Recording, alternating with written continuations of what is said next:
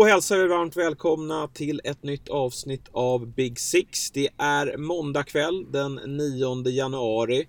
FA-cupen ska gå i mål här under måndagskvällen då när eh, Arsenal ska möta Oxford.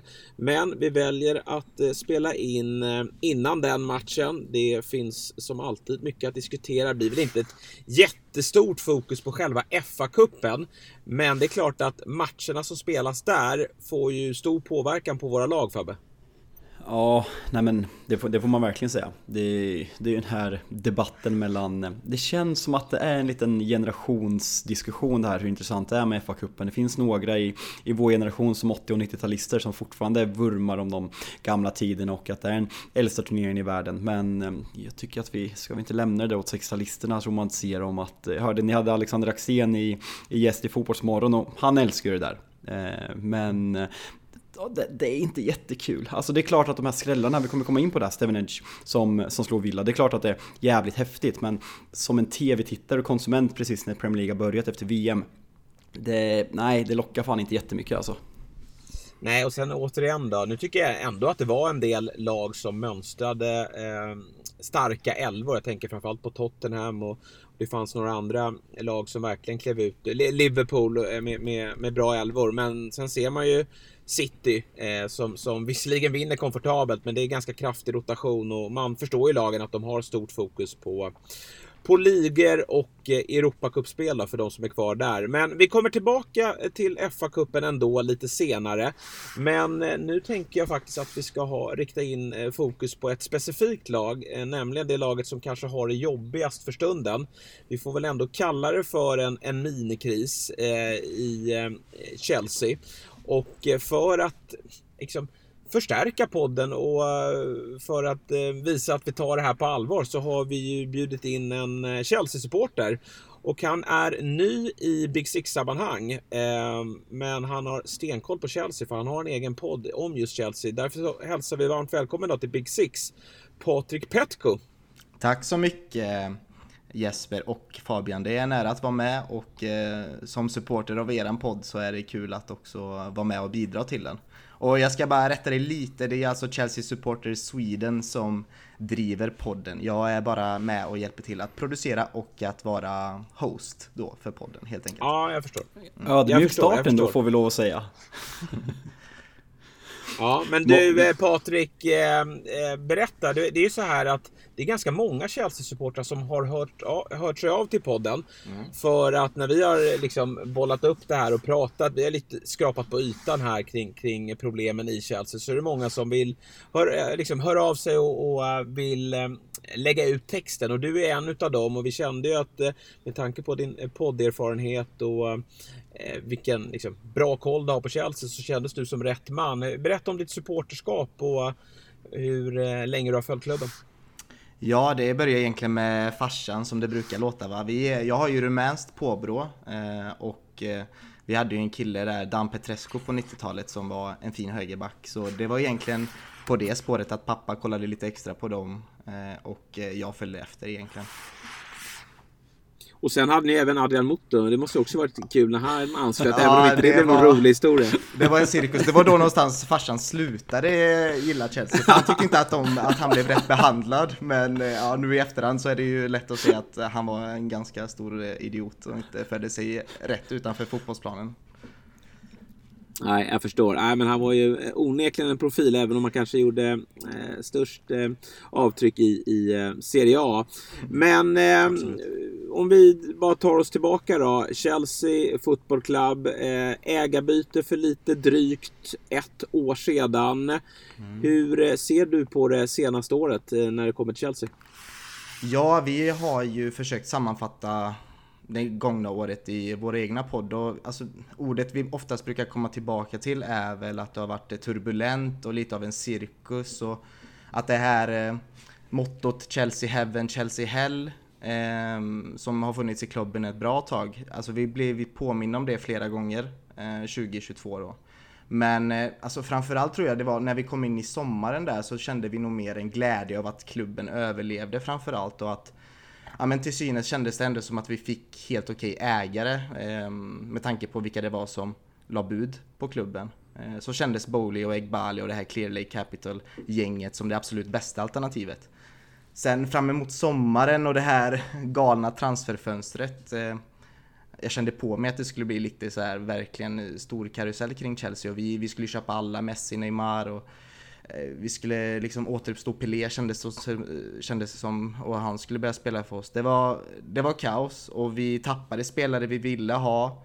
Och någonstans då började jag ifrågasätta hur mycket koll har Bowley egentligen på fotbolls-Europa och hur han ska föra sig med klubbar och agenter och andra representativa runt om i fotbolls-Europa. Och det har jag väl fortfarande frågetecken kring och det, det kommer vi säkert komma tillbaka till. Men, eh, ja, men jag vet inte hur det känns. Det, det är galet och det har inte riktigt lagt sig än. Liksom, det här med Tuchel känns fortfarande färskt och jobbigt för väldigt många supportrar. Eh, vet jag och framförallt nu med de här senaste resultaten så är det många som fortfarande pekar på att det var dåligt att göra sig av med Tuchel. Men samtidigt så är eh, Graham Potter någon som vi alla vill ska lyckas och vi alla tror ju på att han ska kunna ta klubben till nästa nivå. Alltså inte bara laget till nästa nivå utan klubben till nästa nivå då. Så även fast det rockar en del i båten så känns det som att vi är på väg någonstans. För jag, bara, jag förstår att det är, det, är, det är världens största fråga som man skulle kunna sitta och diskutera i, i fem timmar, vad som hänt det senaste året. Men om vi bara spolar tillbaka bandet och den här, den här saken med, med, med Roman Abramovic, vad han, vad han har gjort för Chelsea och problematiken som finns med honom, hans eventuella koppling till Putin. Hur, hur ställer man sig till en sån sak som Chelsea-supporter? Jag, jag, kan, jag har ju sagt det tidigare i den här podden att jag kan ha svårt för att folk ska sätta sig på höga hästar och säga till vad Chelsea-supportrar ska, ska tycka. Men han har ju gjort väldigt mycket för Chelsea och det fick mm. ju ett väldigt abrupt slut med, med Rysslands invasion i Ukraina. Ja, absolut. Det är... Jag tycker, alltså det är nog många Chelsea-supportrar som känner det att han blev nästan lite, lite orättvist behandlad kanske utav media och utav den brittiska staten då, eller den brittiska regeringen. Och alltså tycka vad man vill om det, men eh, det är ju en sån värld vi lever i idag. Det räcker att du har kopplingar till någon som har gjort hemska saker. Nu var det i och för sig Putin som startade ett krig mot Ukraina och det är väl det värsta man kan göra som eh, statschef. Så det är inte så konstigt att Abramovic fick den, eh, vad ska man säga, fick den stämpeln då eftersom han sitter så högt upp i den eller inte att han var högerhanden till Putin, men han var ju högt uppe i den här oligarkfamiljen som Putin älskar att eh, fara kring. Så jag förstår att det hände, men samtidigt så fick just klubben Chelsea alldeles för mycket dålig stämpel över sig och vi förknippades med med kriget på ett väldigt negativt sätt som jag inte alls tyckte var rättvist med tanke på hur mycket han har gjort för den brittiska fotbollen och brittisk damfotboll och damfotboll överlag. Eh, så förtjänar Abramovic ett mycket finare eftermäle om du frågar mig. Men Bowley in som ägare och som du var inne på så kändes det ändå som att många Chelsea-supportrar drog en lättnadens suck. Det har ju, alltså, precis dessförinnan då, innan eh, Abramovic sålde klubben så vet vi ju eh, vad som hände med, med Newcastle och, och eh, ägarna som klev in där i form av eh, eh, ja, Saudiarabien helt enkelt. Eh, amerikansk ägare känns någonstans eh, bättre. Men sen då under sommaren så, så visade det sig ändå att Bowley, han hade ju eh, jag menar, han, han, ser ju, precis som Abramovic visserligen, han ser ju det här som... Uh, han vill ju vara operativ och aktiv med sitt lag och, och har ju väldigt mycket åsikter kring hur ja, men fotbollen i stort borta i Premier League ska bedrivas och mm. uh, han vill ju lägga sig i väldigt mycket kring det sportsliga. Vad, eh, hur ser du på det? Eh, han, han fortsätter ju att, att lägga sig i ganska mycket. Eh, se, ser, ser, du det som problematiskt eller känner du att det är, det är bra att ni har en, en, en aktiv ägare som, som vill saker med klubben? Jag tror det är mer ett symptom av det maktvakuumet som lämnades efter av att sparka Marina Granovskaja och Peter Cech och Bruce Buck fick ju gå också då som var VD för klubben. Så då var det ju så det, det här vaktvakuumet skapade ju någon slags, ett hål som han fyllde då. Sen ska det sägas att Bowley kanske inte är den enda boven i detta dramat om man nu vill tycka att detta är negativt utan även Bedad Egbali då som är delägare i Clear Lake eh, Capital som eh, då deläger Chelsea eh, tillsammans med eh, Todd Bowleys eh, konsortium. Han har ju gått ut i en intervju ganska nyligen och sagt liksom att han anser att europeisk fotboll ligger cirka 20 år efter den amerikanska sportindustrin och liksom vad det gäller just den kommersiella delen samt dataanalys, eh, sofistikation och sånt där. Han hade en väldigt lång intervju där han mer eller mindre outlina hans vision om eh, fotbollens framtid i Europa. Och där nämnde han ju Chelsea flera gånger och han ser ju bland annat att det skulle vara positivt att vara med i någon slags superliga och sånt där. Någonting som inte vi alls tycker om eh, som Chelsea-supportrar. Eh, men de klubbarna han tittar på då, Bedadeg Dali är ju liksom Liverpool med Femway Group. Han tycker de har hanterat det här bra och eh, Manchester City då med den här Abu Dhabi-modellen att äga flera klubbar samtidigt och skicka sina spelare på lån däråt. Så alltså ja, jag tycker det är viktigt att de kanske sätter en filosofi eller en kultur tidigt vad de vill med klubben men det är mycket viktigare för dem att de gör sin scouting om vilka människor det är som ska sitta i ledningen och jag vet att du och Herr Borell hade ju för inte så länge sedan eh, Sporting Directors, eh, eller Director of Football snack eh, med, om eh, engelska klubbar var det va? Och då... Ja men precis. När ni, ja, när ni kom till Chelsea så eh, hade ni då, då var inte vi väl klar än, hade jag för mig. Det var precis några dagar innan ni spelade in. Eller något. Och han är ju klar nu som vår nya tekniska direktör så det känns inte som att Bowley och Egbali kanske kommer vara lika mycket hands-on utan att man har hittat de här ja, personerna då som ska driva klubben framåt. Men är inte det där extremt oroväckande? Alltså jag kan bara prata som, om jag tar, om vi bortser från mina sympatier i Manchester United som fotbollssupporter och som vurmare av engelsk fotboll. Att, att en eh, del av ägargruppen pratar om att man ligger efter amerikansk idrott med 10 år och är för superligan. Det är ju allt vad jag hatar med idrott. Jag, jag följer NBA ganska mycket men mm. de vill ju bara maximera intäkterna, spela mycket matcher, ha det kommersiellt, publiken ska sitta med klapper, det ska vara eh, jumbotron i mitten som sjunger sånger och det ska vara ja, men på det sättet och det känns verkligen som de hintarna man har fått. Todd Bowley, den här lilla kommentaren gällande en eventuell All-Star-match som förvisso kanske förstorades upp i media med kontra vad han sa, men det känns verkligen som med det du säger också att man vill amerikanisera engelsk idrott och det pratas om när både United och Liverpool ska säljas att förutom sportswashing-staterna så är amerikanska ägare det, det största spåret för att det finns mest pengar där och man är villig att investera. Och det är ju för mig alltså en mardröm. Alltså du tar bort känslorna från spelet för som kolla som det ser ut i, ja, men i amerikansk idrott överlag. Folk håller inte på lag, folk håller på spelare. Och kollar man mm. på kidsen idag, folk håller ju på Messi, folk håller på Ronaldo. Det är, jag tror att vi går med mot det och det är en, för mig en livsfarlig utveckling för fotbollen. Ja, det är ju egentligen ett större diskussionämne där som eh, vi kanske inte ska gå djupare på nu, men jag håller ju med. Jag delar ju också den oron som du känner Fabian, men Samtidigt så måste vi se att det finns bra amerikanska ägare också runt om i fotbolls-Europa och det är väl de eh, Bowley kanske ska ta lärdom av. Jag tror att han ville bara stampa in i fotbollsvärlden där i somras och ja men nu är jag med en spelare här i, nu får ni räkna med mig, nu, nu har ni med mig att göra. Lite så. Eh, lite clownigt kanske utav honom, jag vet inte riktigt om han valde sina ord rätt och sånt, men jag tror han har fått höra det utav sina närmsta rådgivare nu, att kanske hålla truten lite oftare och låta låta de som kan fotboll prata fotboll. Men jag, jag förstår vad du menar och jag ser bara att fotbollen är på väg åt det hållet och sen om vi kan göra någonting åt det eller så jag, jag vet inte riktigt. Vi kan älta och vi kan oroa oss men det är ju däråt fotbollen är på väg liksom. Jag vill inte att det ska bli någon McDonalds-franchise-känsla över fotboll men jag vet inte vad jag ska säga. Det, det verkar ju gå ditåt.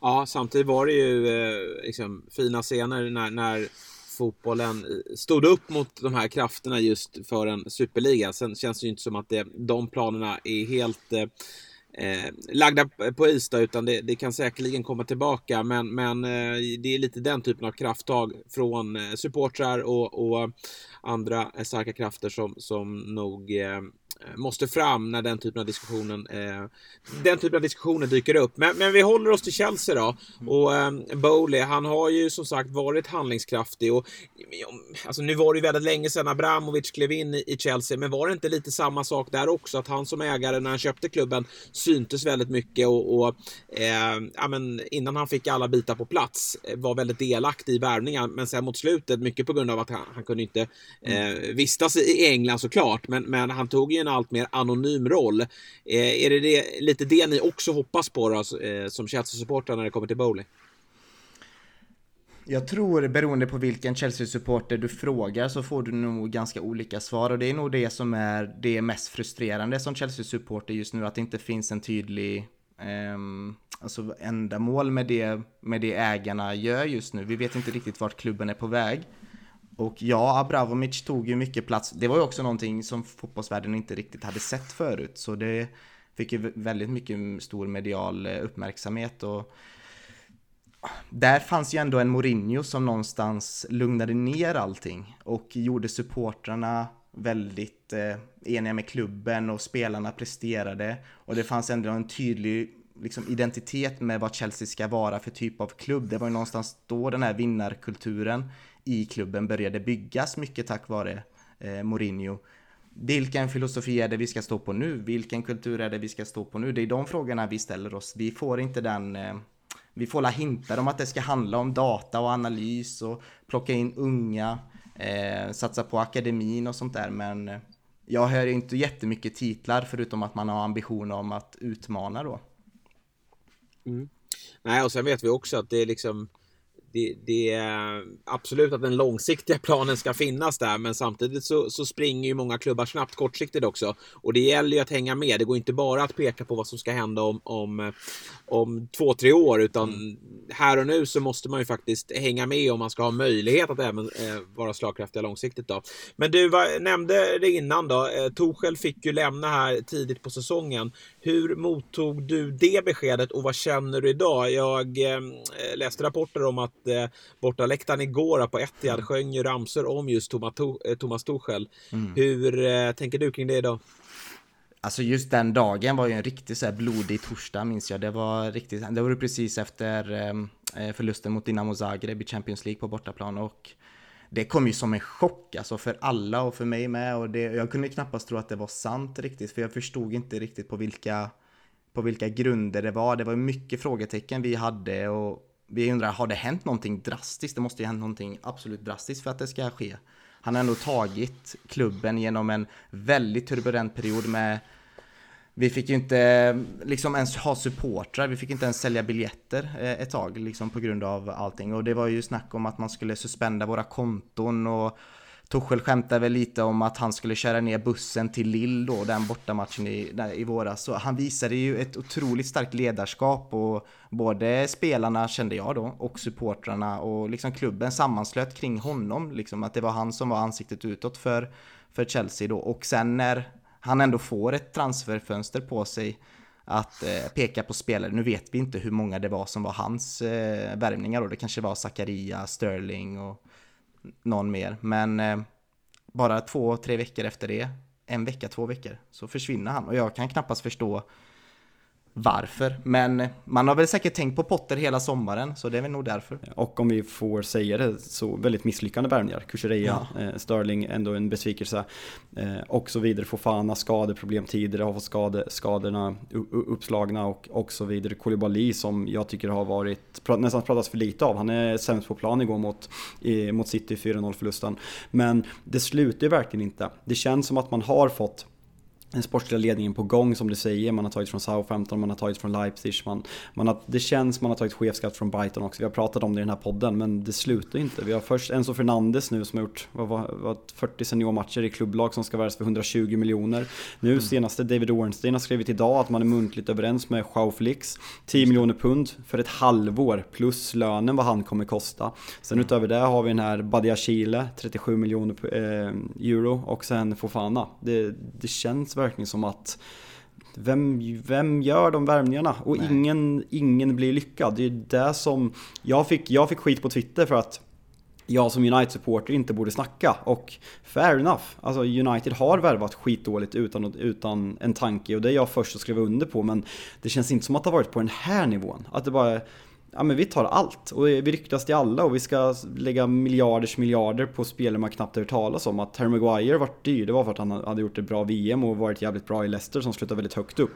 Men annars de pengarna United har lagt pengar på, det är Di Maria, han kom från Real Madrid. Paul Pogba var en världsspelare, tog Juventus Champions League-final, men här känns som att, jag ska inte säga spelare man inte har hört talas om, men det är överpris på spelare och när de inte levererar blir man ju ännu mer frågande. Ja, det är lite lustigt där för att alltså någonting, alltså någonting som ändå är viktigt att etablera tror jag, det är att Chelsea är en... Alltså det är någonting ruttet i, i truppen skulle jag väl nästan säga. Jag vet att ni har haft gäster förr som har kanske klagat på truppen. Det är ett felbygge från första början och vi har haft många konstiga värvningar från många olika tränare Eh, förut som har fått att bestämma vilka de vill få in. Så det, det, det, finns inget sammanhang, det finns inget långtänk med dem man väljer att värva in. Kolla i Manchester City, det är som att alla passar in i den där jäkla pusselbiten och gör de inte det så får de gå och då får de bra betalt för det.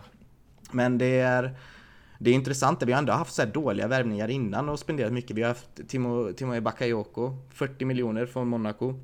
Eh, Danny Drinkwater, det var en sån här deadline day-grej. Mäktiga ja, Danny Drinkwater ändå. Det är ändå 35 miljoner pund, du vet, från Leicester. Och sen har vi eh, Morata, du vet 58 miljoner pund. Och eh, Zappa Costa ska vi inte ens prata om, 20 miljoner från Torino. Så dåliga värvningar har Chelsea gjort mycket, men där har man ändå kunnat lägga skulden på att det inte fanns den här analytiska förmågan utan att man bara jagade titlar och så frågar man sin huvudtränare vem vill du ha? Och då pekar de på några spelare så fick de in dem och så var det mer spelare som var specifika för kanske en, en roll eller ett specifikt system. Och de är ju kvar i klubben, många utav de spelarna. Så jag vet inte riktigt var, vart man ska ta vägen därifrån. För vill man börja bygga ungt igen så visst, Enzo Fernandes, du nämnde ju det i förra podden. Det, det var någonstans då jag bestämde mig för att nu måste jag höra av mig till Fabian här för att vara med. För det finns ju de som skriker av att ja, vi behöver eh, liksom förnya vårt mittfält. Och ja, jag är en av dem. Men att lägga 120 miljoner pund på Enzo Fernandes är ju... Man går in rakt in i det här James Rodriguez-fällan och framförallt så vi vet att många spelare som ser bra ut utanför Chelsea kommer se average ut i klubben. Kolla Ziyech, han gör ett dröm-VM. Så fort han kommer tillbaka i Chelsea så ser han average ut. Han ser medelmåttig ut. Det är någonting fel i truppen, i bygget från första början. Eh, sen om Potter kan få ordning på detta, det är ju det allting handlar om egentligen. Jag, jag känner igen väldigt mycket hur du säger att spelare blir sämre, men just en sak som du, du snuddar vid det som jag tycker är jävligt intressant med Chelsea är att man, folk glömmer nog det och jag och Jesper även när vi pratar Chelsea i den här podden är att Chelsea är lite som Englands Malmö FF. Och eh, låter konstigt, men nu, nu kommer utläggningen. Folk pratar om att man ska hitta systemtränare som eh, ska vara i klubben länge, Pep Guardiola, eh, Jürgen Klopp, eh, ja, men vad Potter gjorde i Brighton, vad Sir Alex gjorde i United, vad Wenger gjorde i, i Arsenal. Men Chelsea har en en historia med väldigt mycket framgång under Abramovic tid att sparka tränare och få få resultat på, på att sparka tränare. Man har ju inte nått upp till eh, Mourinhos första sejour framgångsmässigt, men om man kollar. Tuchel, man sparkade Lampard, Tuchel vann Champions League. Man sparkade, jag kommer fan inte ihåg vem man sparkade. Di Matteo kommer in, man vinner Champions League. Man, spark, man får in Mourinho en gång till, han vinner, han vinner ligan. Man sparkar Mourinho, Conte kommer in, man vinner ligan. Fast det känns väldigt planlöst väldigt ofta och att tränare kommer in och värvar sina spelare, så ska man inte glömma att man har fått jävligt mycket resultat på att sparka tränare tränarna. Nej men det där är ju verkligen någonting och då har man ju haft eh, lite, då har man ju haft kontinuitet på ledarsidan och så har man liksom kunnat byta ut den som, som motiverar spelarna och fått effekt varje, varje år. Men, men nu när man då har tagit in, som du säger, en mer metodisk tränare med, med en tydlig idé i form av Potter och han behöver ju långsiktighet. Sen kan man ju säga vad man vill om vad, om vad eh, Pep sa nu efter presskonferensen, att det, eh, det är viktigt att, att ge Eh, Eh, Potter-tid. Det blir nästan lite löjligt när han kliver ut och, och, eh, och säger det. Det ska inte han behöva säga utan det ska ju vara undermedvetet nu för Bowley att han, han har ju skickat Torshäll kanske lite för tidigt. Han kanske inte riktigt hade Eh, så dåliga resultat att han skulle få gå. Men när han ändå gör, fattar det beslutet, tar in en, en tränare som Potter som har varit väldigt framgångsrik i, i, i alla klubbar han har varit i. Sen har ju inte det varit i närheten av Chelseas nivå, men han har ju fått bygga upp något långsiktigt. Då är det ju någonstans viktigt att han nu Eh, får förklara för ledningen. Det här är sättet jag vill spela fotboll på och det är den här typen av spelare jag behöver. Och eh, värvningarna innan här nu, eh, innan januarifönstret, nu får vi se vilka spelare som kommer in här. Om det blir Fernandes och, och Joao Felix. Men, men jag, jag liksom jag litar ju blint på att det här är spelare som eh, Potter vill ha. För att så har inte känslan varit tidigare. Nej, nej men precis och jag tror han har, kommer ha ett väldigt nära tätt samarbete då med Kristoffer Vivell.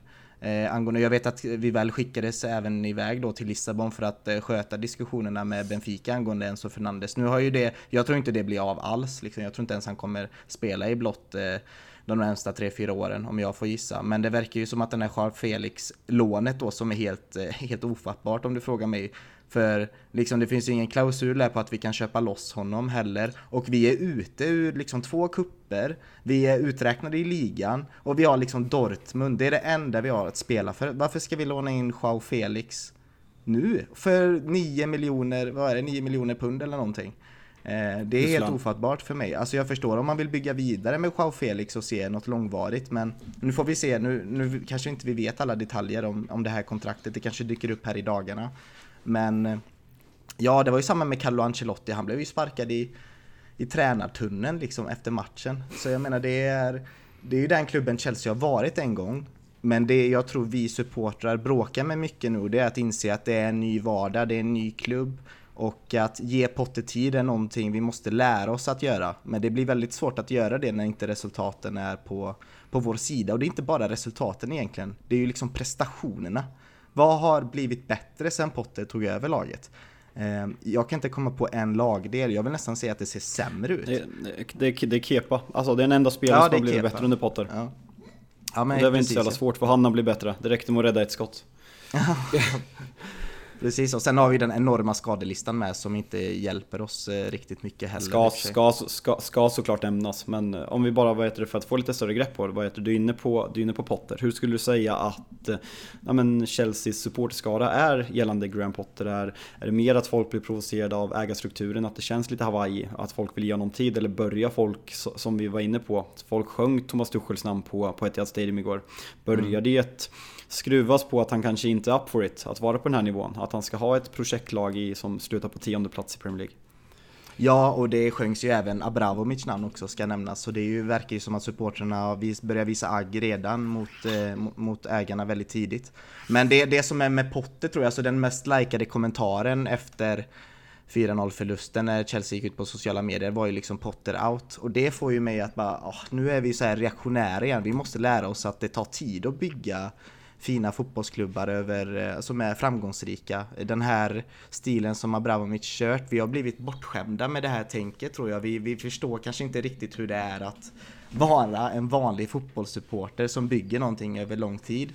Men vi har ju förknippat så mycket, vår identitet har förknippat så mycket med att vinna titlar. Så den här balansgången, den här övergångsperioden kommer vara smärtsam eh, för oss oavsett om vi vill det eller inte. Det är någonting jag jag känner kanske att de kanske borde kommunicera tydligare med oss supportrar att det kommer ta tid och jag märker att Potter försöker förklara det. Att det tar tid, ha tålamod. Eh, och så. Men det, det, du är inne på någonting intressant Fabbe, det är ju ändå det här med är han up for it? Och det första det jag började analysera när, jag, när vi fick in Potter som tränare, det var ju hans presskonferenser. Han har inte alls samma aura, han har inte alls samma kommentarer, han är mycket mer lågmäld, mycket mer human, diplomatisk. Och efter man har haft liksom... Hat, hata, hat, hatar man ju. Ja, det är så tråkigt va? Efter man har haft Mourinho, Conte eh, och Tuchel som tränare så har man blivit eh, van vid ett visst tugg, vet du. Ja, och i synnerhet vid förluster. Det vet vi med alla Premier League-tränare idag som, som eh, basar över topplagen är att de är ju eh, psykfall efter förluster och skyller på allt och alla. Det är aldrig deras egna fel och de skyddar, ibland skyddar de spelarna, ibland så pekar de ut vissa individer. Det finns ingen röd tråd i, i bortförklaringarna. Men när det kommer till Potter är han, han är nästan lite för vettig och det där kan man ju också störa sig på. Mm. Att, han, att han någonstans är mänsklig. Men eh, det är ändå eh, liksom så här, det är intressant det där för många. Jag håller ju på en klubb i Sverige som är, lider av samma sjuka sjuka i att man hela tiden pratar om att, eh, AIK då, att man mm. pratar om att man ska vara långsiktig. Men ändå så är man också van vid att eh, tränare sparkas ganska snabbt och så dras man med väldigt snabbt vid, vid ja, men egentligen bara efter några eh, skara resultat så står man där och, och själv vill att det, det, ska ske en förändring. Så det, det är svårt att ändra i, i, eh, i en supporterskara vad man ska tycka och tänka. Och det är bara att jämföra med Liverpool. Nu har ju visserligen mm. Klopp varit där länge och han är väldigt omtyckt sen, sen eh, ja, men han är omtyckt som person. Men eh, så till den här säsongen så tycker man väl att det borde eh, borde börja skrikas eh, på, på, på avgång. Men, men jag ser inte en enda Liverpool-supporter som tycker det. Nej, nej, och men någonting som han gör mycket i sina intervjuer, det är att han, han, han, han klagar mycket. Alltså herregud, alltså det är ju... Åh fan. Det är så jäkla tråkigt. Han hade ju bara, hade han varit tränare för oss nu, hade han bara pratat om de spelarna som inte spelar på grund av, på grund av skador. Ja men precis så. Ja. Exakt. Och det är ju lite, alltså det är ju också... Jag gillar ju ändå när ledare tar ansvar på något sätt. Um, ja, det, jag, jag är väldigt, väldigt, väldigt svag för det, men samtidigt att man har lite jäkla cojones liksom. Och jag känner inte, det är ju det som är, har Potter cojones? Jag vet att Klopp har det. Han skulle ju kunna slå ner vilken fjärde domare som helst, eh, Klopp, om han, är en dålig, om han har en dålig dag. Men kommer Potter göra det? Liksom. Nej, han är ju fostrad uppe i Norrlands skogar här. Det, det, där, det, där, det där är en gammal rolig diskussion, eller diskussion som Filip och Fredrik hade i sin post. I sin, hur folk skulle ta livet, hur folks kändisar skulle begå självmord. Och då var det ju, ja men arga snickaren han hade ju, han hade stoppat in dynamit i, i munnen. Kan ha samma sak, diskutera hur tränare hade haft ihjäl fjärdedomare i Premier League. Och Pot, Potter, Potter hade kört, ja men så här, smygt in en liten spruta eller något i armen i smyg. Men Klopp hade ju bara slagit ihjäl honom. Ja, precis. Och Tuchel ja, hade nog brutit av armen av dem så eller något. Men ja, eh, framåt nu då. Det, man måste ju ändå, liksom någonstans så tycker jag ändå att det finns ju eh, ljusglimtar ändå. Och det är ju att ni har en, en eh, framgångsrik eh, akademi. Eh, mm. och, och, även om det var en, en riktigt, alltså det var ju en, en, lektion i fotboll här på Etihad senast, så är det ändå många unga spelare där ute som visar att de, de, har framtiden för sig och även om de inte kommer prestera i, i Chelsea-tröjan och vinna titlar där så har ni också varit framgångsrika i att, att sälja vidare och, och, och tjäna pengar den vägen. Mm. Vad, eh, om, du, om du får hitta lite ljusglimtar i Chelsea, vad, eh, delar du min, min syn på det ja. eller, eller känner du att eh, ni är, ni ska inte vara en utvecklande klubb utan det är här och nu ni ska göra resultat? Det, det är lite blandat faktiskt. Jag, många utav, jag, när jag tittar på våra trupp så känns det som att många också är väldigt övervärderade. Någon som Kai Havertz är liksom, är han den här 70 miljoners pund killen eller inte? Visst, han avgjorde en Champions League-final och han rider fortfarande på den vågen, men om vi går över till akademin så vi fick se Lewis Hall ha gjort två bra prestationer tycker jag mot City. Hyfsat bra. Han var, det var lite tufft igår. Eh, mot, Shimovuka, egna produkten också. Ja, just det. Du menar Chukwuemeka ja, som vi fick in från Aston Villa. Ja. Där, där satt uttalet. Kör, kör en gång till så vi lär oss. Chukwuemeka, jag har övat på den hela hösten. Chukwuemeka. Ja, Chukwuemeka. Ja. Men han ser spännande ut. Han gjorde också en bra match mot, eh, i ligan här. Så ja, vi har många ungdomar som eh, visar på att de kan slå sig in i en elva eller kanske i alla fall utmana, göra de här 30 där gamla gubbarna liksom lite rädda. Men återigen, de används fel. Liksom, Louis Hall är inte vänsterback, han ska spela på mitten. Chukwuemeka ska inte bytas in mot Pulisic, han ska också spela på mitten. Det är två centrala mittfältare som vi använder i fel positioner just nu när vi sitter och skriker om nytt mittfält i, i truppen. Så jag vet inte om det är att Potter har sett någonting, att de inte kanske pallar med det eller att de inte kanske är riktigt redo att ta, ha en sån ganska mycket ansvar då, vilket man har ändå när man spelar centralt på mittfältet. Nej men är eh, känslan när du säger, är Chukwuemeka är, är det nya Aspilicueta eller? För det, fan, det fick man träna på. Samma med Kepa, ni gillar att värva de där jävla spelarna som är svåra att uttala. Men vad skulle jag säga, vart skulle jag komma med eh, spelarna? Är inte känslan att för att Chelsea, alltså jag köper att Chelsea ska värva mycket och behöver göra om mycket. Men måste man inte sälja först? Alltså det finns jo, så många, Kanté, skadebenägen, vi har Jorginhos kontrakt går ut, finns Utman. Eh, spel, spelare i backar som är överflödiga, vi har Pulisic som inte lyfter, vi har Ziyech som inte lyfter, vi har Kai Havertz som du nämnde. Jag säger inte att man ska skeppa Kai Havertz, men Ziyech, Pulisic, Sterling, jag pratar om det, vem man än spelar. Det är liksom, sju max på maxprestation, åtta av tio spelare. Alltså Chelsea just nu, det känns inte som att man har de där tio spelarna. Alla är lika bra slash mediokra. Mm. Nej men jag verkligen, och det är det enda när vi pratade i våran så här silly special i, i våran eh, i våra sammanhang i Chelsea supporterföreningen så pratar vi bara om vilka som ska ut, inte vilka som ska in. Vi pratar väl kanske mest om Declan Rice då, den enda personen som vi tycker ska in i klubben. Men sen är det ju Jorginho tycker vi borde dra. Kanté, borde han förlänga eller inte? Alltså, jag vet inte. Mount ska sitta och, liksom, han förhandlar nytt kontrakt nu. Han vill ha 300 000 pund i, i veckan. Det är ju galet. Förtjänar Mason Mount det efter det här året? Liksom? Nej, det gör han inte. Den enda som förtjänar att eh, ja, men, så här, bygga någonting kring i framtiden, det är Reece James. Och han har ju tyvärr problem med, med skador.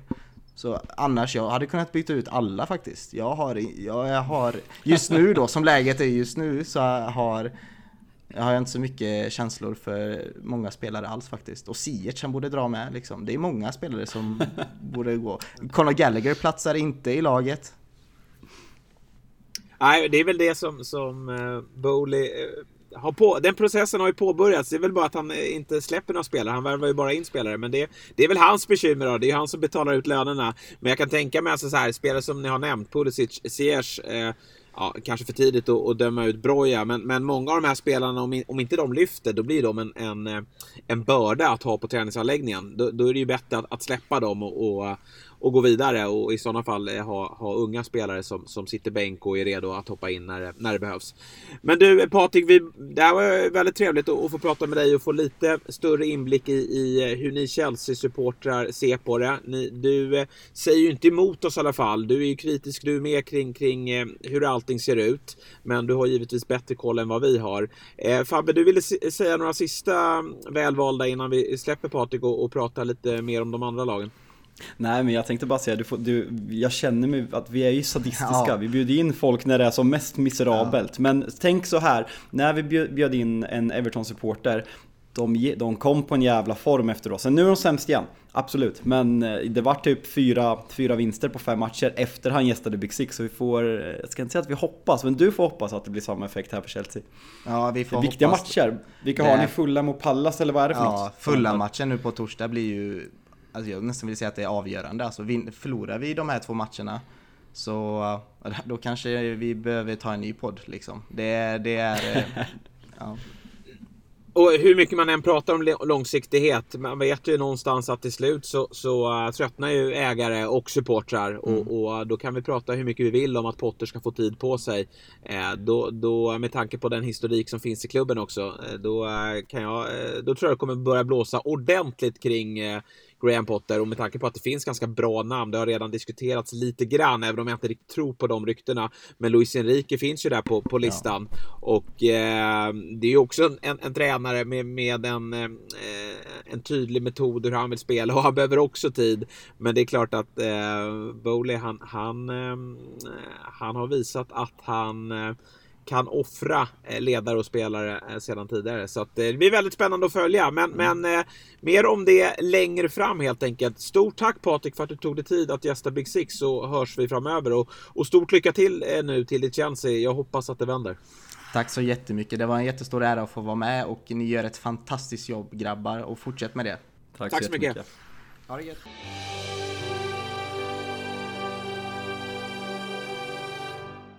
Vi gör Big Six i samarbete med ATG och vi ska faktiskt fortsätta på Chelsea-temat ett litet, litet tag till. Det är nämligen så att Chelsea på torsdag åker till Craven Cottage och möter Fulham ett Fulham utan skyttekungen Alexander Mitrovic som faktiskt är avstängt. Och jag tror att den här avstängningen är tillräckligt vital för Fulham att Chelsea kommer dra det längsta strået. Man kommer vinna, man kommer vända på trenden, Potter kommer få sin vinst och Kai Havertz kommer hamna i målskyttet. Chelsea att vinna, Kai Havertz göra mål 4 och 80 hos ATG. Precis som vanligt hittar ni spelet på atg.se. Glöm inte att man måste vara 18 år fyllda för att få spela. Har ni problem med spel finns stödlinjen.se. Vi säger ett stort tack till ATG som är med och gör Big Six möjligt.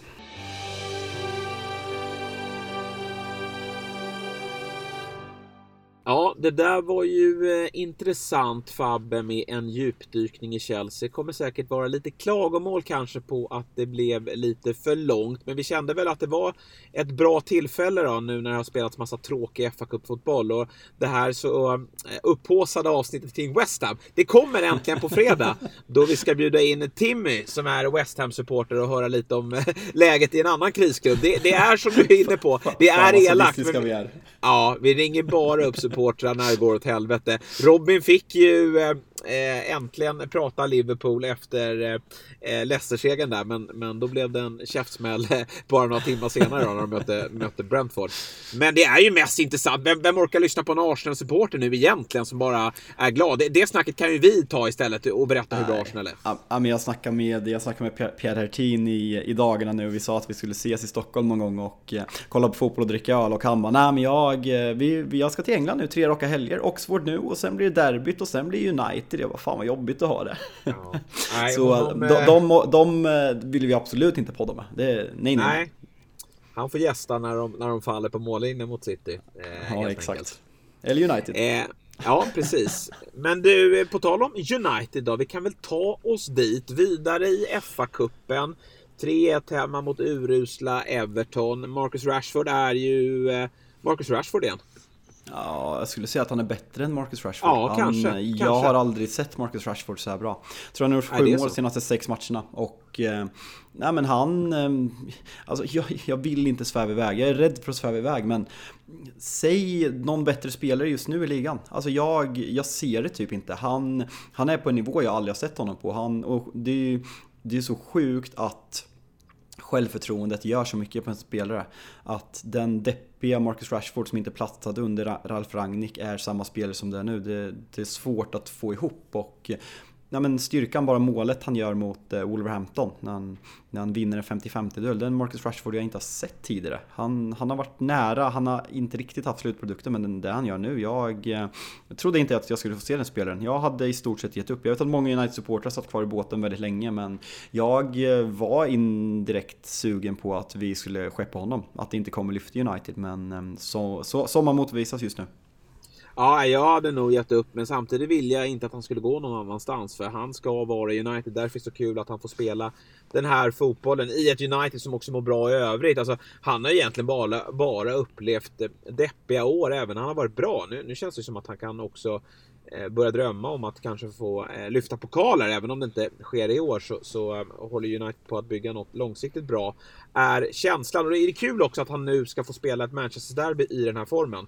På lördag då, 13.30, då, då City kommer på besök till Old Trafford. Det blir en jäkla match faktiskt. Där, ja, båda lagen kommer ju definitivt gå för det.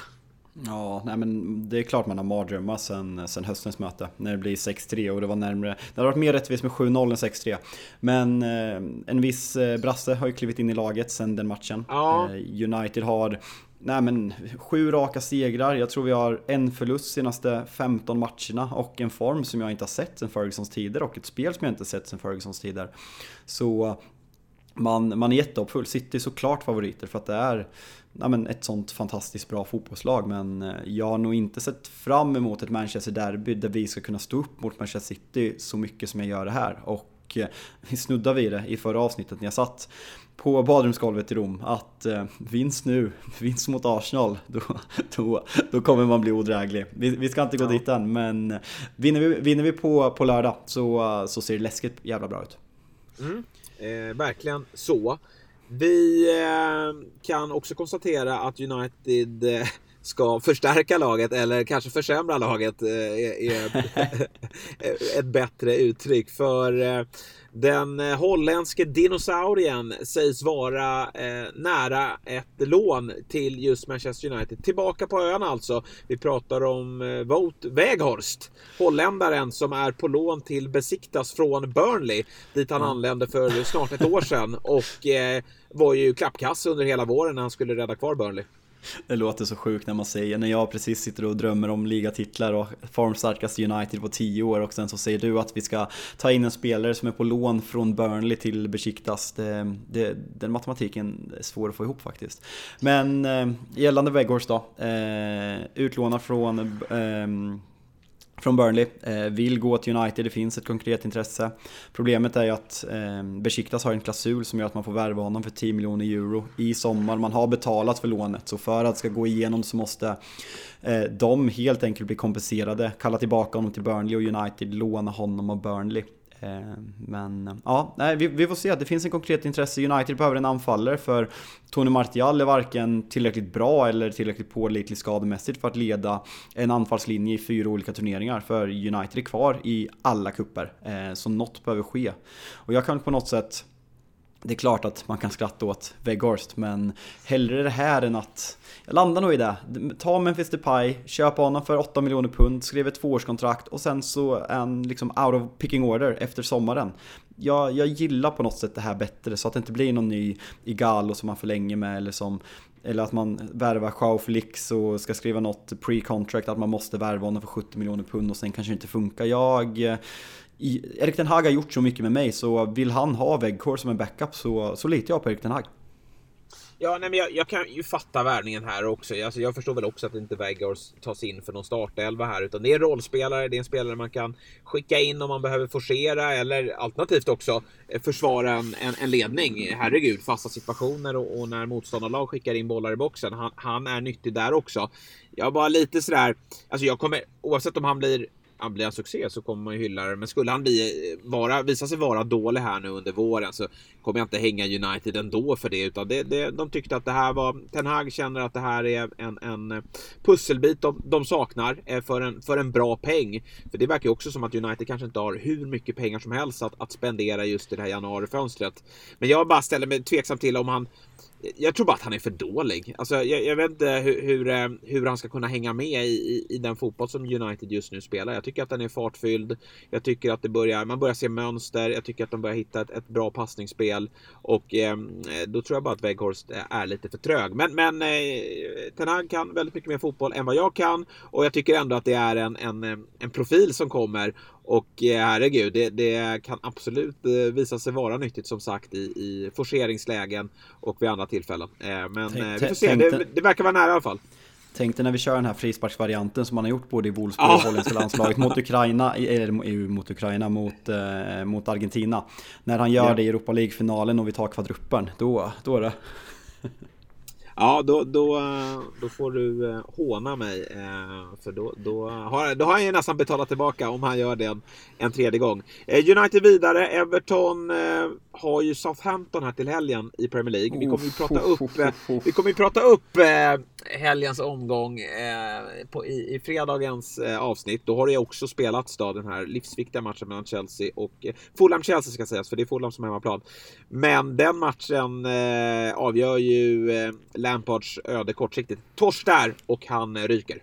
Ja men det måste han göra. Southampton med en, nej, men en viktig självförtroendesmässigt för både laget och för Nathan Jones så att han ska fortsätta tro på sig själv. Att man slår ut Pallas i, i FA-cupen tror jag är jätteviktigt för dem. Och som du mm. säger, klarar klarar Lampard av först förlusten mot Brighton och sen förlusten mot United eh, och en poängtapp eller förlust mot Southampton då, det, det är något mirakel. De måste sitta och jobba bakom kulisserna där. För något, eh, något, eh, något måste hända i Everton, det har vi sagt tidigare eh, och vi återkommer dit. Ja, eh, vi säger att vi skiter i FA-cupen och eh, två som också eh, ser ut att göra det, det är ju David de Gea som eh, står för ett jag vet inte vad han sysslar med, men, men han är inte direkt påkopplad där vid, vid eh, Evertons 1-1 mål som eh, Connor Cody gör. Han släpper in den där verkligen eh, på ett taffligt sätt. Jag, jag, ska, jag ska säga tre. Jag, jag nämnde tre spelare här, för det är tre målvakter. Vi har även Allison i Liverpool. Som jag vet inte riktigt vad han sysslade med. Eh, det där var ju den Allison som eh, eh ja, var iskall efter eh, pandemiåret där när de, när de hade vunnit titeln. Då sysslade Allison med sånt där. Ja, nej men det går ju att argumentera för att Alisson är årets säsongens bästa målvakt i år tillsammans med Manic Pope i, i, i, Newcastle. Så att han gör det där, det, det såg man inte komma och eh, Liverpool, vi, vi kommer in på dem senare, men det ser inte jätteroligt ut. Och sen har vi ju vår käre svensk Robin Olsen som ja. får man, alltså det, folk satt och pratade om att ja, men eh, Emil Martinez skulle till Bayern München och nu när Robin Olsen höll nollan och man slog, man slog Tottenham. Nu ska han få sin chans i Villa men Nej, slut. Han är, för, han är inte tillräckligt Ja. bra. Och man får, inte, man får inte agera ut sitt lag i FA-cupen på det där sättet. Det är ett bra skott, men han är inte ens nära på att ta bollen. Nej, och jag tycker så här, visst Aston Villa hade väl viss rotation i laget, men det var ändå ett, ett, ett starkt lag och alltså de... Eh, Stevenage, sa du så? Eller Stevenage? Nej, jag vet inte fan. Nej, jag har ingen aning heller. Någon får rätta Stevenage. Stevenage. Stevenage, vi, kör, vi, kör, vi kör på det. Eh, det är, alltså, de spelar i League 2. Eh, topplag där, visserligen. Men när Villa mönstrar det här laget, och Villa är ju ett sånt där lag som verkligen skulle kunna prioritera en FA-cup. För det, det ska inte vara några problem eh, eh, att, att man eh, dras med i någon, någon bottenstrid här. Det är man alldeles för bra för. Emery har ju fått eh, en, en bra start eh, på sin Villa-karriär. Och, och man kommer inte slåss om några Europaplatser heller, utan det, det blir en, en klassisk mellansäsong när man hamnar i mitten. Och då tycker jag så här, FA-cupen är ju perfekt för, för Aston Villa att, att gå för. Men eh, nej, här, här lyckas man ju faktiskt sumpa det. Har ju en 1-0-ledning länge, Den Donker får rött och sen vänder de på klacken och, och eh, slår in 1-1 på straff. Och Robin Olsens ingripande här, dels är han ju för trög i att få upp backlinjen. Det, det vilar ju lite på honom, man ser att han försöker liksom skrika på, på hela sitt lag. Men, men någonstans är det målvaktens uppgift att hu- hur man... Ja, men han- han ska ju ge instruktioner från, från linjen. Eh, och, och sen då när, när skottet väl kommer. Ja, men, det är ju inget jätteskott det där. Nej, verkligen inte. Och vi, vi har kritiserat FA-cupen på alla sätt, men det här måste vi ändå säga är charmen med FA-cupen. Att ett lag från League 2 kan åka till, till Villa Park och slå ut ett, nej ett formstarkt som Villa med Unai Emery vid, vid rodret och scenerna när, när spelarna och tränaren går bort mot bortaklacken. Det är ju på något sätt Ja, men vi pratar om den här rädslan för att am- amerikanisera Premier League. Det här är ju engelsk fotboll på riktigt. Så det, det, det måste vi ändå säga att det är jävligt charmigt med, med cupen när de här skrällarna sker. Exempelvis Sheffield Wednesday slår Newcastle och Stevenage. Eh, Nej, fan. Nej, jag måste sluta säga Stevenage. Eh, vad fan om det heter. Stevenage. Eh, slår Stevenage. Aston Villa på Villa Park. Det, det, det är klart det är charmigt och det är klart att det har väldigt mycket. Ja, alltså supportrarna där. Att, att det finns eh, så många supportrar eh, för ett sånt dassgäng. Och jag vet att det, det Ja. finns betydligt sämre gäng som har eh, minst lika många. Det, det är häftigt med den engelska eh, bonnafotbollen. Men på tal om stora följarskaror på cupmatcher så spelas det faktiskt ligacupen i veckan Jesper och United tar emot Charlton. Och då ställer jag frågan till dig, vad har vi på din Holden? Nej, men jag har inte mycket, men jag vet att du har en eh, liten utläggning för det är en speciell story bakom honom. Ja, nej men det får man verkligen lugnt säga. Din Holden då tog över Charlton eh, dagen efter eh, när man slår Brighton i åttondelsfinalen i ligacupen. Och bara för, att, bara för att få en liten känsla av vad Din Holden är för typ av person så ska han ha ett möte med ledningen efter den här matchen. Eh, han vill sen åka ner till puben och frågar liksom kan jag göra det? Han åker ner till puben, Eh, puben håller på att stänga, supporterna börjar banka på hans ruta. Han, han går in och eh, det slutar med att de har öppet två timmar till så supporterna sitter och hänger med din Holden och puben är öppet längre än vad de får. Förutom det här då, din Holden, född i Salford, uppvuxen i Manchester, eh, säsongskortinnehavare på Old Trafford i 30 års tid och har sitt namn ingraverat på, på stolen.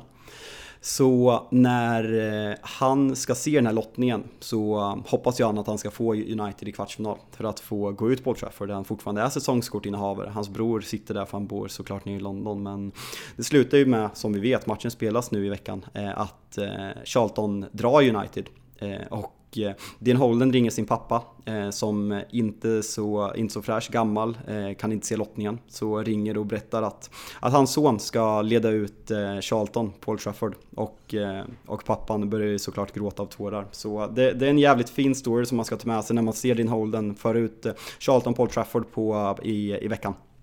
Ja men riktigt mäktigt. Det är det som är det fina med de här kupperna. Alltså vi sitter här och bara vill ha stormatcher och, och bästa lagen och, och jagar FBL-poäng och annat. Alltså, det är de där drömmarna liksom när de, de mindre klubbarna får möjligheten. Och, och det är ju liksom, kolla på Spurs. De, de, de skickar ju ut sitt eh, eh, bästa lag i stort sett här för att Conte se- ser väl det här som en möjlighet att kanske ja, men förstärka lagmoralen, få, få, få igång offensiven. När, ska Kane vila? Ja, det är ju en bra fråga, men, men han bestämmer nog det själv och han ville väl spela det här för att han vill väl fortsätta att göra en, en, en jäkla massa mål. Men, men det fick han ju inte göra. Han gjorde ett eh, hemma mot Portsmouth, men, men eh, det är ju eh, ändå liksom otroligt vad, vad svårt de har eh, för, för eh, den här typen av motstånd. Alltså Portsmouth eh, lirar ju, också gammal klassiskt lag, men de lirar ju i, i League One då. Så att eh, det är eh, inte bara att ställa ut skorna även om du mönstrar eh, bästa tänkbara lag och, och det gjorde ju även eh, Liverpool. Även om de mötte Premier League-lag då i form av Wolves och eh, hade ju eh, stora problem. En underhållande match var det och med, med diverse omdiskuterade domslut och ett slutresultat som inte jag hade förväntat mig för jag trodde att Liverpool skulle vinna den här matchen. Men de har problem Liverpool.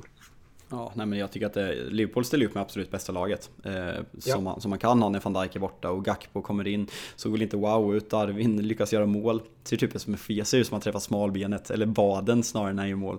Men det ja, är något men nu ska stämmer. du inte kritisera honom när han gör mål här.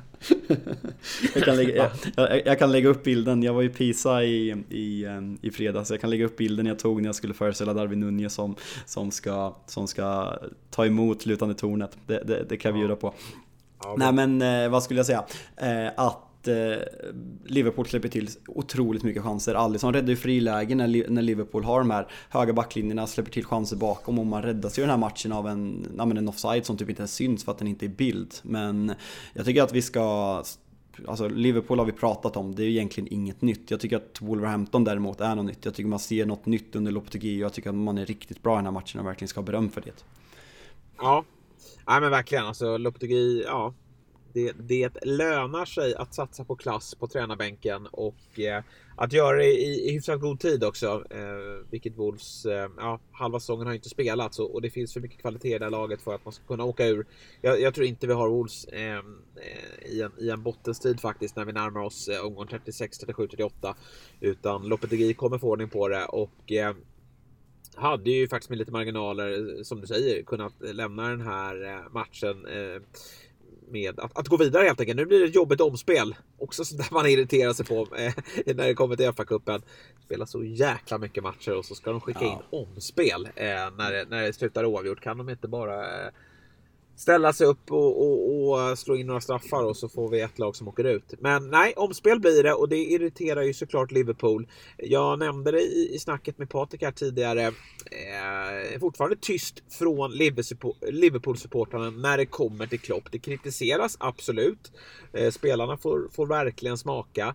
Men eh, Klopp, eh, han känns ganska ohotad eh, på sin tron. Och, och det är mycket, alltså så ska det väl vara. Alltså Klopp har nyligen förlängt sitt kontrakt och, och det pågår väl ganska mycket bakom kulisserna där med eh, eh en ny ägare som ska in, en ny sportchef som ska in, en, ett generationsskifte i truppen. Men faktum kvarstår att han har ett, ändå ett ganska bra lag eh, att, att spela och det är många spelare som inte kommer upp i den nivån som jag förväntar mig. Van Dijk är skadad nu, men han har inte varit tillräckligt bra. Alisson har ju varit bra, även om han inte var i den här matchen. Ytterbackarna är, bes är en besvikelse i år. Thiago, Fabinho. Jag tycker att eh, Salah är underkänd sett till hela året. Det måste vi ändå eh, stå fast, även om han är, är, är bättre nu än vad han var i inledningen av säsongen. Det, det är eh, märkligt att, att han inte får ut mer av det här laget. För när han hade den här svackan förra gången, då var det ju, kunde han ju peka på skador. Han har skador nu också, men han har, han har ett bättre lag att, att jobba med än vad han hade. Ja, jag glömmer ju alltid bort vilken säsong det var, men det var ju pandemiåret där när det inte var någon publik på läktaren. Man har ingen koll på vilken säsong Nej. det är. Man, man, vet ju bara, man kan ju bara beskriva säsongen. Men det borde ju varit 2021. Ja, ja, det känns som det. Det, det, det känns så skit. Alltså jag tror att Salah har gjort typ 17 mål och Darwin har nu gjort typ 10 plus 5 och man sitter och sågar dem. Det känns så jävla fel men samtidigt, det är inte samma självklarhet. Sen om det beror på att laget överlag är sämre och att mittfältet eh, släpper igenom mer bollar, att det är därför Salah inte syns så mycket. Bobby är sämre, Mané finns inte kvar. Att det där, jag tycker fortfarande att Salah, man underkänt det. Det är som Fabian Ahlström brukar säga, nu, nu, nu är du hård. Ja, ja. Men vadå, du tycker inte Salah är underkänd för året? Nej, inte. Alltså, jag tycker han är Liverpools bästa spelare. Eh, sen, och Liverpool ligger ändå relativt bra. Det är Alisson. Ja, ja, förutom Alisson. Men alltså underkänd. Då har man sådana enorma förväntningar på Salah. vilket man har. Det, alltså, det, det, är en jättesvår diskussion. Alltså underkänd sett förväntningar för att han ska vara... För mig är han ju en topp 10-spelare i hela världen. Och det är han ju absolut inte nu. Så sett till förväntningar underkänd. Men sett till prestation fortfarande 3,5 plus, absolut. Ja, men, men hur låter det när, när spelare som... Jag, jag, jag, ska inte ha honom på samma nivå som, som de jag nämner nu, men så här, när Ronaldo och Messi hade sina sämre säsonger, då var ju på där och kritiserar. Och det är inte länge sedan nu Fabbe, han var i, i diskussionen. Det var, var, väl precis ett år sedan innan han skulle kliva in i Afcon. Som man sa att eh, Ballon d'Or, den, den, ska gå till eh, Mohamed Salah. Eh, ja, det, jag, jag, ja. Är, jag är besviken. Jag vet att jag svänger fram och tillbaka, men det är ju för att han, han har ryckt upp sig. Han är bättre nu än vad han var i inledningen av säsongen. Men helhetsbetyget är underkänt för min del. Ja, nej, när, du, när du bollar upp det sådär, jag, jag köper resonemanget för det blir på något sätt att man ser Salah som en spelare som är sämre men Liverpool, alltså jag kommer ihåg, jag var ju och stod den här 2-2 matchen, Salah gör det här helt fenomenala målet på, mot, eh, mot City ja. förra året. Och då var det ju verkligen, nej men han är bäst i världen. Det var egentligen ingen som sa emot förra året. Messi hade checkat ut i PSG, nu har han kommit igång i år och vunnit VM, men för ett år sedan var han ju helt utcheckad och hade, var under all kritik under den säsongen. Ronaldo Ja men det var, var okej. Det var, det var, folk pratade om Mbappé, Neymar, Haaland gjorde det bra i Dortmund men det var Salah. Och eh, nej, jag, sett det så så köper jag det. Men samtidigt, det låter så jävla hårt med underkänt. Och det kommer Liverpool support, de kommer ju bara skrika om de där 17 målen. Men folk som ser Liverpool, det är ju inte samma spelare som det var för ett år sedan. Nej, och, och, det är inte bara fjolårssäsongen som är eh, fantastisk. Alltså, han, han gör alltså 32 kassar eh, första eh, säsongen han är i, i Premier League. Eller första är det ju inte, han var ju i Chelsea. Men 17-18. Han följer upp det med 22, 19, 22, 23. Ja, det är sjukt. Eh, nu nu Men, är ha, vi halvvägs bara, han har bara gjort sju. Ja. Ja, nej. Ja, nej. Jag, jag, jag säger godkänt, det... du, säger, du säger underkänt. Men får jag bara, ja. hade, du koll på, hade du koll på det? Det var faktiskt eh, en, en norrman som vi träffade på tåget mellan, mellan Rom och Pisa som upplyste mig om det här. Jag har alltid känt så här att ja, men Premier League-rekordet har Calvin Phil, nej, Alan Shearer och Andy Cole på 34 mål, eller hur? Och, ja, jag tror det. Eh, Ja, och Ronaldo, då hade säger, Ronaldo då? När han kom 30, 30, 31. Och ja. då säger han så här, ja men Premier League spelades 42 omgångar då. Så Salah har alltså Premier League-rekordet på 32 för 38 spelade matcher under en säsong. Det hade jag faktiskt ingen aning om. Det borde man såklart, såklart ha koll på, men de här, de här rekorden som är, då var det 42 matcher, så det är ju något helt annat. Ja, det hade jag faktiskt. Nej, jag hade inte alls koll på det. Och eh, ja, vi får se då. 34 mål är ju minst sagt i, i i farozonen efter den här säsongen då med tanke på en viss eh, norrman håller på med. Men eh, Liverpool, eh, de tar sig an Brighton här eh, till helgen och eh, har ju inte råd 5 -5. med allt för många. Ja, precis. Har inte råd med allt för många. Det blir väl 3-3 på Anfield så att 5-5 eh, låter rimligt. Men de, de, har inte råd med allt för många poängtapp här Känner jag under året. Är de kvar i ligacupen Liverpool? Nej, de har ja, De torskar mot City va? Mm. Just det, så var det. Så var det.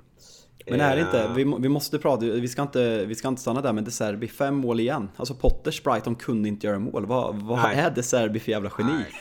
Det är helt sjukt. det är kul om, om eh, De Serbi går till Chelsea nu. det hade verkligen varit någonting. Vad heter det? Innan, Ja, det var kör, alltså såhär bytesaffär. kan man göra ja. på FM, det var att köra med tränare, det hade fan haft. Potter vill nog hem.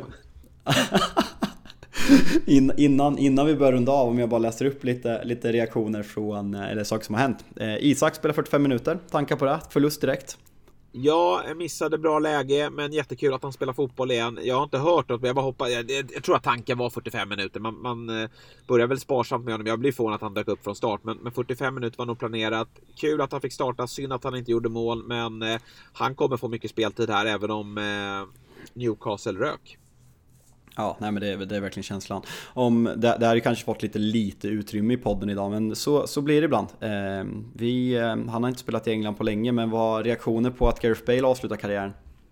Det är att eh, jag tycker att hans karriär någonstans är lite underskattad. Jag, eh, det är väl lite på grund av att de senaste åren har varit eh, ganska så svaga, i synnerhet eh, när det kommer till klubblagskarriären. Hade ju en tråkig avslutning i Real Madrid. Han hade en relativt svag eh, utlåning till Spurs. Jag hade faktiskt förväntat mig lite mer från honom eh, där. Har man inte glömt bort den? Jo, lite faktiskt. Men det, det fanns ju verkligen förhoppningar där om Bale, Kane och, och, och sånt. Verkligen. Bale, eh, ja, han, han eh, hittade inte riktigt. Han, han var okej. Okay. Han gjorde ju någonstans ändå skillnad i vissa matcher som han har gjort i Wales, men nej, den där liksom. Han var inte i närheten av Kane direkt i, i att vara kontinuerlig med, med sina prestationer. Eh, och sen har han ju varit i, i Los Angeles där, eh, där man eh, såklart inte har följt honom men bara noterat att, att, han knappt har spelat men lyckades ändå avgöra mästerskapet.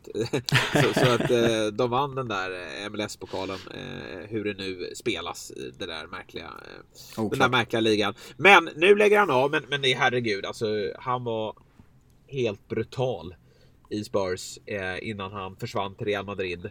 Och han var faktiskt otroligt bra i Real inledningsvis också. Vann väl två Champions League. Avgjorde han två finaler ja. eller? Ja, han har nog tre Champions League-titlar va? Eh, skulle jag ja, på. precis. Han har nog tre titlar, men jag tänkte att han, han ja. eller det har han, men, men han, ja. Eh, jag tror faktiskt att han har gjort mål i två Champions, eh, finaler och han har ju säkert han har, varit han har direkt avgörande i någon. Ja, precis. Han har vissat mot Liverpool. Eh, mot Liverpool. Liverpool. Eh, Liverpool är det. Sen, sen har ni något sanslöst finalmål mot Barcelona. Jag kommer inte ihåg om det är Copa del Rey eller, eller vad det är som är helt när han bara springer sönder hela försvaret. Men jag, vad jag minns från vi tar Tottenham-tidningen, jag är först och främst jävligt glad att jag fick se honom i Tottenham-tröjan precis innan han lämnade. Såg honom spela 0-0 mot United på White Hart Lane. Och sen kommer man ju aldrig glömma insatsen i Tottenham gör sin första Champions League eh, på väldigt länge. När, han möter, när man möter... På San Siro? Eh, ja, Maikon, exakt. Mot, mot, mot Inter. Taxi från Maikon trendade ju på Twitter. Det var, och då var ju Maikon, alltså världens bästa högerback enligt jättemånga, men jag, det, det, var en sån nivåskillnad på de två, så det är ju de minnena man vill ha kvar av Bale. Sen, sen ska man inte glömma, kommer du ihåg det här när han spelade i Southampton? Det tog ju ja, typ här 20, 20, 26, 26, matcher som han spelade i Premier League utan att vinna. Det är helt sjukt att det, att det är den Gary Fail som, som man summerar karriären på idag. Men som sagt, tråkigt med skadorna han började som vänsterback och var så här, han, han var ju lite så här klassisk ytter verkligen som slickade kant ja. och gick liksom gick utsida på, på sin eh, ja, försvarare och mittfältare. Men sen bara växlade han upp och, och eh, kunde ju skifta kant. Jag, jag, har det här är ju återigen eh, Spurs-supporterna såklart bättre koll på, på historien än vad jag har. Men det här målet jag tror det är hemma på White Hart Lane när han säkrar en Champions League-plats, tror jag. Eh, jag känner mig för svag på området, men när han bara... Han, han, han, utgår från höger då och kliver in i banan och skickar en, en projektil i bortre målet. Någon Spurs-supporter kan väl bara länka till det målet, för det finns ju på Twitter. Och, och, och svara eh, under den här av, avsnittstweeten vi har med just det målet. Eh, jag vet inte om det var just det målet som tog den Champions League, men det var ett oerhört viktigt 2-1 mål, vill jag minnas. Om det var mot typ Southampton, hans gamla lag, eller om det var Sunderland eller vilka det nu var. Men det var eh, ett magiskt viktigt mål för Spurs just de där säsongerna 11, 12, 12, 13 var han ju fruktansvärt bra och, och belönades med ett Real Madrid-kontrakt. Jag såg hur vissa skrev om att han är en av, att han kanske är Storbritanniens största spelare genom tiderna. Det kan jag dock inte skriva under på. Nej, eh, jag såg någon som dock skrev att han är den största exporten genom tiderna och eh, bortser man från de sista åren så jag kommer inte på någon, sen är han kanske historielös, men Gary Lineker hade väl inte så bra karriär i Barcelona och sådana saker. Han känns ganska, alltså britter går ju inte utomlands så han känns väl ganska överlägsen där med sina avgörande prestationer i viktiga ligatitlar, eh, Copa de Reis och Champions League-titlar för Real Madrid. Jag får upp statistik här på 12-13 säsongen. Då gjorde han 21 mål. Eh, och sjukt. nio av de målen var utanför boxen. Det är rätt mäktigt. Ja, verkligen. Eh, då, då har man en bössa eh, och det hade Bale och eh, ja, det var synd att vi som följer Premier League då hade gärna sett honom stanna. Men samtidigt då den bästa exporten. Det, det kan vi väl faktiskt konstatera. Synd att Wayne Rooney, eller synd, det, det tycker väl inte du, men, men eh, han hade nog kunnat göra det ganska bra och eh, även eh, Harry Kane då, det är väl de man nämner när man pratar i, i modern tid i alla fall eh, om de bästa spelarna från öarna. Men eh, bäst från Wales är han väl, eh, så slipper vi nämna din, äh. ja, din polare Ryan Giggs där. man, får inte, man får inte backa Ryan Giggs 2023. Nej, man får verkligen inte det. Han är bara ett as. ja, det är, det är han verkligen. Ja, han har ju verkligen sysslat med för dumma saker för att man ska liksom börja prata om hur bra han var som fotbollsspelare. Så vi skiter i det. Och så ja, säger vi väl eh, att vi har säkert missat massa samtalsämnen. Vi har ju missat att eh, prata om Citys fina insats här utan eh, Håland och eh, eh Kevin De Bruyne. Men vi pratar mer City mot slutet Vet du vad vi kan notera från den? Att Phil Foden var tillbaka och var precis lika bra som alltid när han startar. Ja. Det är, nu är ju för sig Grealish bra också då, men, men eh, det blir väl kanske... Vi får se vilka som startar derbyt. Foden gjorde ju tre mål mot ja. uh, United, men, men Mares är ju inte dum, dum just nu heller. Nej, de är bra allihopa, men nya spelaren på shitlistan tillsammans med Phil Foden, Cancelo. Ja, verkligen. Jag tror inte han startar derbyt. Nej, det tror inte jag heller. Det verkar vara eh, Nathan Ake eh, och den nya favoriten då, Rico Lewis, som, som eh, prioriteras från Peps håll. Men du Fabbe, nu har jag suttit i den här kalla bilen alldeles för länge. även om det har varit väldigt, väldigt trevligt. jag säger som så att jag tackar dig Fabbe, jag tackar Patrik eh, och jag tackar till alla er som har lyssnat. På fredag är vi tillbaka och då ska vi prata lite mer West Ham, eh, snacka ner eh, Fulham-Chelsea och snacka upp helgen som har två derbyn alltså. Manchester Derby och London Derby. Arsenal-Spurs EU, eller Spurs-Arsenal ska sägas, är ju en riktig höjdare sen på söndagen. Vi hörs på fredag. Hej!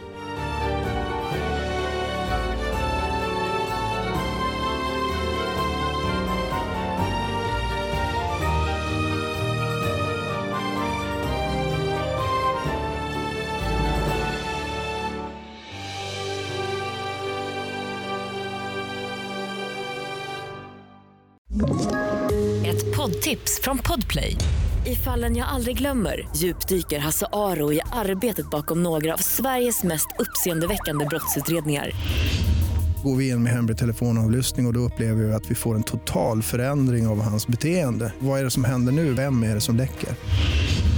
Och så säger han att jag är kriminell, jag har varit kriminell i hela mitt liv men att mörda ett barn, där går min gräns. Nya säsongen av Fallen jag aldrig glömmer på Podplay.